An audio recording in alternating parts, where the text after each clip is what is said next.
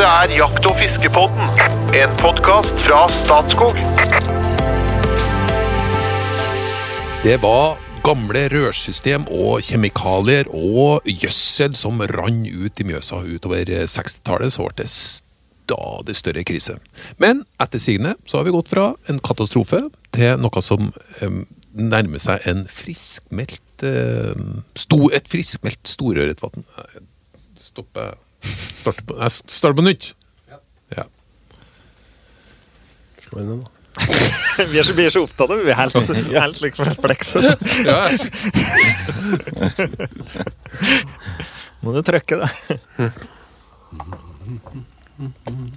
Kom igjen, nå. Kom igjen. Nå. Ja. Yes, kom igjen. Hjertelig velkommen til dagens utgave av Jakt- og fiskebåten. Vi skal til Mjøsa. En gang var Mjøsa en liten katastrofe med kloakk og kjemikalier og alt mulig svineri, men nå har det etter sigende blitt et fenomenalt storørretvann. Og til daglig så er jeg kommunikasjonssjef i Statskog og kan skrive under på at Mjøsa er stor.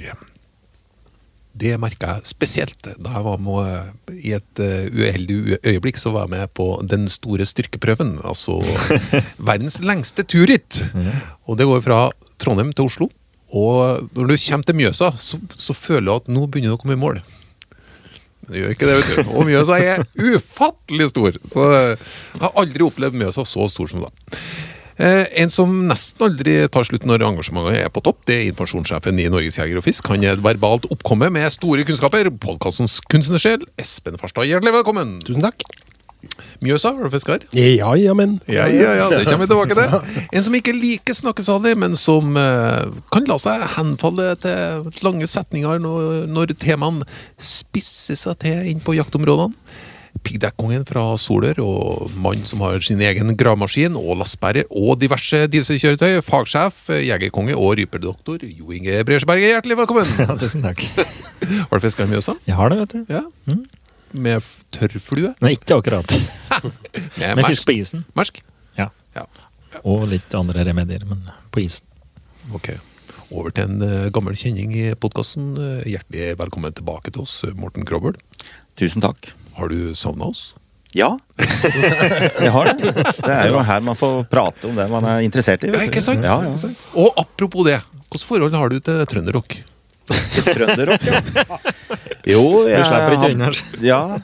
eh, Jeg har vel noen sånne opplevelser på nattklubb med Åge Aleksandersen og musikken hans, da. Ja, hvor ja, ja. jeg fikk napp, kan du si. Eller, Ja. ja. Så se der! Ja, så der, ja. Svake øyeblikk fins hos alle. Det, gjør det. Men det, det glapp, da. Det må jeg si. Ja. Ja. I dag eh, hadde jeg tenkt at vi skulle eh, At vi skulle eh, få høre litt mer om den historien til Mjøsa. For jeg husker jo vagt Jeg husker vagt noe om vaskemiddel. Og det jeg tror var fosfat, ikke fosfor, men fosfat fra vaskemiddel. Og det var litt sånn krise. Og jeg Snakker vi kanskje 60-tallet? Hvor, hvor starter den historien her? Ja, det var ute på 70-tallet. Ja. 70-tallet? Ja, Okay.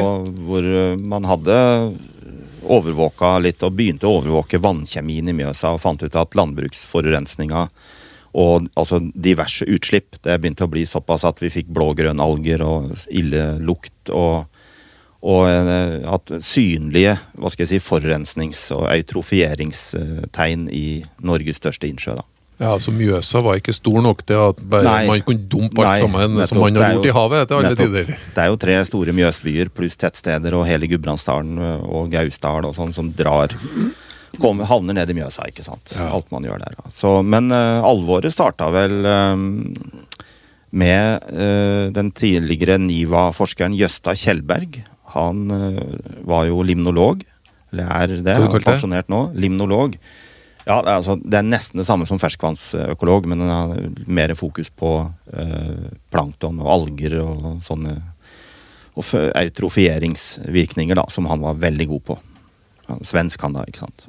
Som måtte komme til Norge og lære oss om dette her. Og han så alvoret og fant ut at han må opptre ganske freskt, så han ikledde seg ei lita badebukse, og så henta han et glass med vann fra Mjøsa, og så gikk han opp til kontoret til ordføreren, jeg tror det var i Gjøvik, og sa det at nå må du gjøre noe.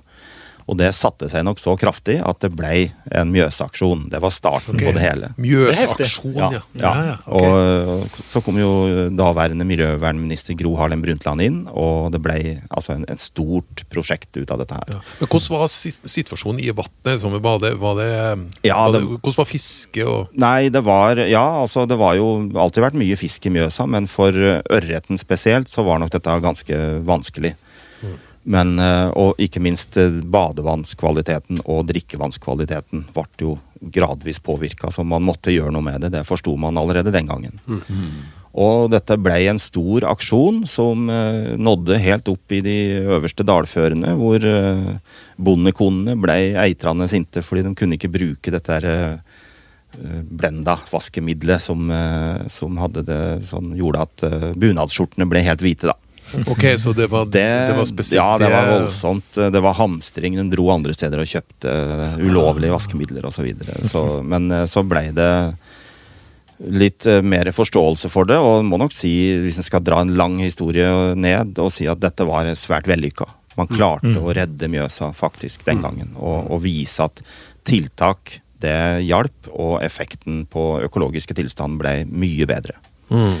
Og i ettertid så har dette svingt litt grann rundt et sånn nivå hvor, vi er, hvor det er litt betenkelig eller godkjent. Så vi er der i dag. Og det må vi kanskje regne med, for det er mye landbruk og industri, altså, og avrenning da, og renseanlegg som fungerer så, så, så som så. da. Hva var hovedtiltakene som ble, eh, satt inn i den Mjøsaksjonen? da? Ja, bedre renseanlegg og øh, tetting av gjødselkjellere, øh, stopp med fosfatholdig vaskemiddel, var nok viktige øh, årsaker til at man fikk snudd situasjonen. Og så har dette her bedra seg hele tiden. Gjennom tilskuddsordninger osv. Så, videre, så har man unngått disse her øh, avrenningene. Måten å pløye jordene på, f.eks. At man ikke pløyer det så det renner helt ned fra jorda ut i vassdraget. Gjorde man avbøtende tiltak for fiskebestanden? Altså, Oppdretta man fisk og satt ut mer, eller gjorde man noe i bekkene for å ta vare bekkene? Nei, det var nok eh, litt for tidlig til det. Men eh, det begynte jo et engasjement på den tida der, egentlig. Og på slutten av 80-tallet så var det jo Operasjon Mjøsørret. Ja. Hvor det var eh, veldig fokus på å få alle disse Det er nesten 40 gyteelver for Mjøsørret. Og prøve å få gjort det beste mulig ut av det. Men det har nok halta litt i ettertid. Eh, for det er vanskelig, det er frivillig arbeid. ikke sant? Det er ikke noe, ja, Fisketrygdeavgiften forsvant, og vi, det var vanskelig å få penger til å gjøre, holde dette i gang. da. Og frivilligheten har jo også stupt litt grann i, i jeger- og fisk-sammenheng. Altså, I alle frivillige organisasjoner så er det ikke så lett å bruke så mye fritid lenger, for vi har mindre av den da enn før. Så det har nok uh, prega elvene. Men så har det vært eh, noen initiativ igjen senere med altså å restaurere så godt man kan de eh, sidebekkene og tilløpselvene i Mjøsa. Og så er det jo Gudbrandsdalslågen som er den som kanskje gir jeg vil si 70-80% av Mjøsørreten. Den kommer jo fra Gudbrandsdalen. Eh, og der har det jo blitt gjort en god del i de siste åra, særlig med disse viktige flaskehalsene knytta til uh, vann, altså Hunderfossen kraftverk. Der er det jo Vi har pekt på, det var annet en del av min doktorgrad, at det skulle liksom finne hva, hvor trykker skoen hen for fisken som skal opp i 80 km med gyteelv i Gudbrandsdalslågen, og så ligger det da et kraftverk og en minstevannstrekning helt nederst. ikke sant? Så dette er da en flaskehals som hadde mange eh, problemområder som vi har løst så godt vi kan, da. Og så der er det kjempestore ting på gang nå, da. Ok, hva er, hva er på gang? Det er eh, å sikre vandringsveiene for uh, Mjøsørreten, da. Både opp forbi damanlegget og ned igjen. Ikke minst ned igjen. Ja, ikke minst ned igjen. Ja. For det, det gikk jo et par hundre år med norsk fiskeforvaltning før man skjønte at ørret og eller alle fiskearter egentlig skal ned igjen etter de har vært oppe for å gyte, eller om de har vært nede i en elv for å gyte, så skal den tilbake igjen. altså. Så toveis fiskevandringer, det glemte man hele poenget med når man drev med fisketrapper. Nå, Ja, man, for man lagde fisketrapp som kom opp, og så Ja, ble den kverna i, på vei ned? Ja. Ah, ja, Litt uheldig, litt uheldig å ta veien gjennom turbinen. Ja, tatt, liksom. den er, kan være litt slem, da. Selv om Hunderfossen-turbinene de er så store at eh, det er, det er ganske høy overlevelse der. Ja. Men eh, mindre turbiner og sånn, da blir det jo fort litt eh, hakkemat. da. Hvordan, eh, det var jo litt spennende. Greier, man greier jo åpenbart ikke å få fisken til å forstå at man skal ta til høyre rett før der. egen, altså, hvordan, hvordan skal vi gjøre med den? i det? Ja, vi må, altså ørreten da, så den er veldig opptatt. Når den skal opp i elva, så søker den der hvor det bruser i vann, og han hopper i fosser, ikke sant. Og, så da måtte vi få regulanten da, Hafslund Eko, til å bruke lukene sine i dammen på en sånn måte som gjorde at de lokka fisken mot der hvor fisketrappa lå.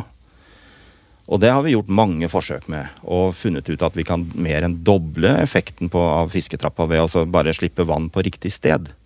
På, gjennom lukene. Og da kommer fisken, lokke den inn til luke der hvor vannet fra luka kommer.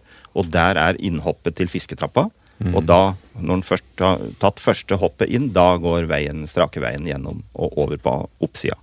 Og da fordeler den seg på fem-seks store gytefelt som vi har kartlagt lenger opp i Gudbrandsdalen, opp til eh, Harpefoss. Men når skal den ned igjen, da? Hvordan finner den veien ut? Ja, da, må, da kommer den jo ned de, de voksne fiskene som er utgytt. De kommer i to puljer. Det ene er om høsten seint i oktober etter gytinga. Og den andre pulja overvintrer i elva, og så kommer den ned på vårflommen. Og de som kommer ned om høsten, de har store problemer, for da er det lite vann i vassdraget, og da, slipper, da går alt vannet inn i turbinene. Sånn, så det er eneste vei ned er turbinene.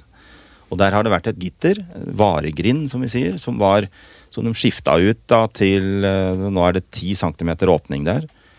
Og det er eh, da, da kan en ørret på 10 kilo gå inn gjennom der og havne inn i turbinene. Så vi gjorde noe forskning på det med radiomerking og fant ut at 30-40% av fisken gikk faktisk gjennom Voksenfisk gikk ned i turbinene. Og så gjorde vi et forsøk med smolt, for dette her er jo som laks eller sjøørret. Den, eh, Når den er ferdig med å vokse opp i elva, så blir den smolt. Og da skal han ut i havet, liksom, men den skal ut i Mjøsa. Dette her er jo egentlig en sjøørret. ikke sant? Mjøsørreten er en sjø, er sjøørret, egentlig. Eh, og da, eh, med de radiomerka hunderørretsmoltene, mjøsørretsmoltene, da var det 100% som gikk inn i turbinene. Ok, Ja. okay. Og dette har da ført til at man må gjøre noe med det, så nå er det, utredes det store prosjekter med å om, altså konstruere, rekonstruere hele inntaksområdet til turbinene. Og gå fra 10 cm lysåpning til 1,8 cm. Så da, da, stopp, da er det ingen fisk som kan gå inn i turbinene. Nå. Og så lager man da trygge nedvandringspassasjer ved siden av. Så det kommer til å bli Når dette kommer i gang vi, Nå er det ikke tatt noen investeringsbeslutning enda, for det, vi snakker jo her i sånn 120 millioner kroner for å, i en investering for å sikre at ørreten skal komme seg trygt ned igjen til Mjøsa. Det, men det, det går nok i den retningen at det blir gjort uh, skikkelig gode tiltak. Og da, da, vi også, da oppnår vi en trygg returvandring til Mjøsa. Og da vil vi nok Min spådom da er at vi får tilbake disse her uh, ørretene på 15 kilo pluss. For no, vi har ikke sett dem siden uh, Hunderfossen ble bygd ut, egentlig. Fordi Det, det var ei greie, da. Eh, Det var jo en foss her før? Ja. og Svartebygda kraftverk og, og fisketrapp. Mm. Og de, for å komme opp der før, så måtte du være stor. ja, Skikkelig stor. Ja, ja. Og med den fisketrappa og det, så Ja. trengte du ikke være så stor, da. Nei, tatt, for å da komme opp. ble det en forandring der. På, Det er Men- men- så vi har men- må- manipulert litt der, da. Jeg, jeg må bare hoppe inn og si en ting, for at det har vi liksom ikke sagt. da, Men altså, i dag så er jo altså, akkurat som as we speak, så er jo Mjøsa kanskje et av Norges beste ørretfiskevann. For øyeblikket nå. Det tas jo utrolig mye stor fisk. altså, og Vi ser bilder av folk som går langs land og drar opp ørreter på flere kilo. og Jeg vet at du kanskje ikke syns det er så bra, men som sportsfiskere så, Ja, så er man jo jo, litt sånn hva, hva er det som har skjedd da? Hva er det man har gjort i Mjøsa som har gjort at det har blitt så bra? Ja, det er, no, det, er, det er mange ting. Og blant annet det vi snakker om nå, så den forskninga og de forsøkene vi har gjort, det har jo hjulpet mye fisk trygt ned igjen, da. Så det har stor betydning. Og så i 2017 så kom det et prøvereglement med en tredobling av minstevannføringen, nesten en tredobling av vintervannføringa. Og at de skulle skikke, slippe eh, lokkeflommer osv. som vi hadde forska på før, da. Og nå er det i sluttfasen, og nå blir antakeligvis det overført til en mer permanent eh, basis. Og det vil i seg sjøl ha en stor effekt. Men så har det skjedd også mye i Mjøsa. Blant annet så dessverre så ble jo innholdet av miljøgifter, kvikksølv spesielt, det ble så høyt at garnfiske ble eh, nesten borte. For det var ikke omsetningsmuligheter for ørret lenger. Pga. miljøgiftinnhold. Og det er klart at det gjorde at beskatningstrykket ble mye lavere. Det ble drept mindre ørret i Mjøsa enn noensinne når garnfiskerne forsvant. ikke sant? Men så har jo sportsfiske med trolling, med båter, mer moderne båter, det har utvikla seg. Også isfiske er eh, relativt ny dato, og fiske fra land, som du sier. Og, men dette er jo sportsfiskebasert alt sammen, og det er jo alle for at det bør Det er jo det man, derfor man driver med alt dette her, egentlig. Sånn for å, å gjøre det bra for sportsfiskerne. Men, men altså ørretbestanden har Det er mange Jo, og så er det Jeg glemte å nevne fang og slipp. At eh, før så var det sånn at når du fikk noen av disse store ørretene, så slo du dem i huet og tok dem med hjem igjen. Og solgte det eller eh, spiste det du kunne sjøl. Nå har det bredd seg en sånn kultur om at det, det selges ikke Mjøsørret lenger. Man tar det man trenger til husbruk, og resten setter du tilbake igjen. Eh, Sånn at dødeligheten på ørret i Mjøsa, den er lavere enn den noensinne har vært, vil jeg si. Og det gjør jo at flere og flere individer får lov å leve gjennom og vokse gjennom den ene si, sesongen etter den andre uten å bli kakka i huet. Og når du gjør det på en litt balansert måte For jeg er på ingen måte sånn fanatisk fang og slipp-tilhenger, men jeg ser det som et viktig og nødvendig forvaltningsredskap når situasjonen tilsier det. Og summen av alt dette her har gjort at det er mer ørret i Mjøsa, og det er kortere tid mellom hver gang det biter på. Men det er klart, hvis, du ser på, hvis du ser på avkastningen, og ser på hvor mange ja, ti tonn med ørret som tas på 362 kvadratkilometer med sjøflate, så er jo avkastningen per år den er av de laveste vi har i Norge, hvis du sammenligner med fjellvann f.eks.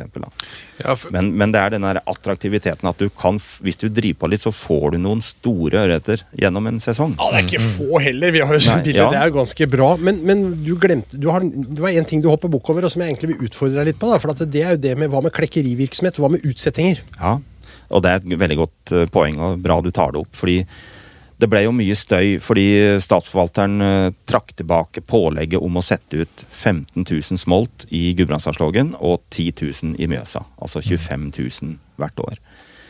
Og det vi vet fra disse utsetningene, er at uh, ca. 30-40% av alle mjøsfangster før var, hadde, mangla den fettfinna, som er et bevis på at den kommer ifra settefiskanlegget. Da.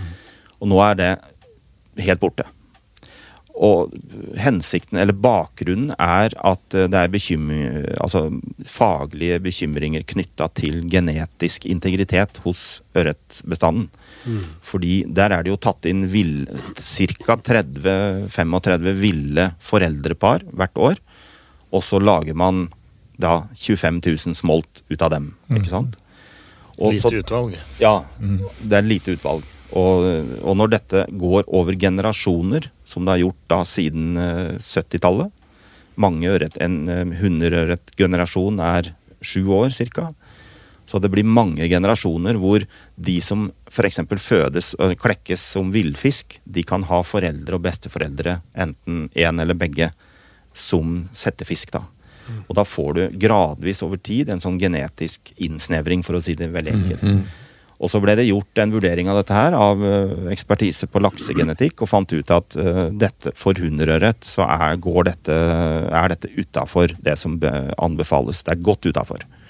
I en sånn storørretrapport som vi skrev i 2018. Og det var nok bakgrunnen, den faglige bakgrunnen for at man valgte da å stoppe med, med fiskeutsettinger inntil man eh, fant ut hva som var den faktiske situasjonen. For dette var jo først og fremst et, sånn, en faglig vurdering, et estimat på en måte. Og nå gjøres det genetiske vurderinger for å se litt nærmere på det. Men settefiskanlegget holdes i beredskap i tilfelle det blir behov for å gjenoppta det. Men det må nok skje på en litt annen måte enn det er blitt gjort, da. Dette er nemlig en veldig heftig diskusjon som går, ikke minst i sportsfiskekretser. Da, for at de, det som er situasjonen, at nå er de jo i, Mjøsa, og de får relativt bra med disse store ørretene.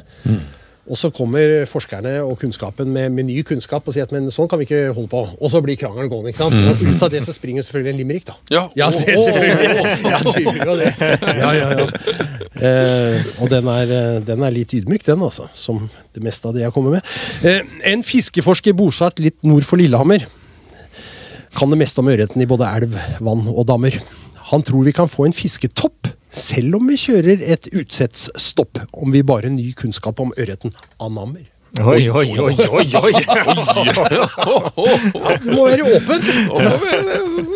Men du, det, det var jo, jeg skal innrømme det, det var Espen som nevnte at eh, kanskje vi skal ta inn det Mjøseventyret inn her. Det, det har jo blitt til et av Norges beste ørretvann. Og så snakka jeg med deg, så sier nei, det er ikke riktig at det er et av Norges beste ørretvann, men det er et av Norges beste storørretvann. Hva, Ja. hva mente du med det? Hva, hva, hva snakker vi om da? Ja, altså storørret er jo ikke jo, vi, vi skiller det som en forvaltningsenhet fra vanlig ørret, og sjøørret f.eks. Altså, det er da en ørretbestand som har denne, disse typiske trekkene med at den spiser fisk som eh, hovednæring, og har eh, et vekstomslag, enten langsomt eller brått. Og, og at den måten å leve livet på angjelder den størstedelen av bestanden i et, sånn, i et vann. Da. da er det storørret vann.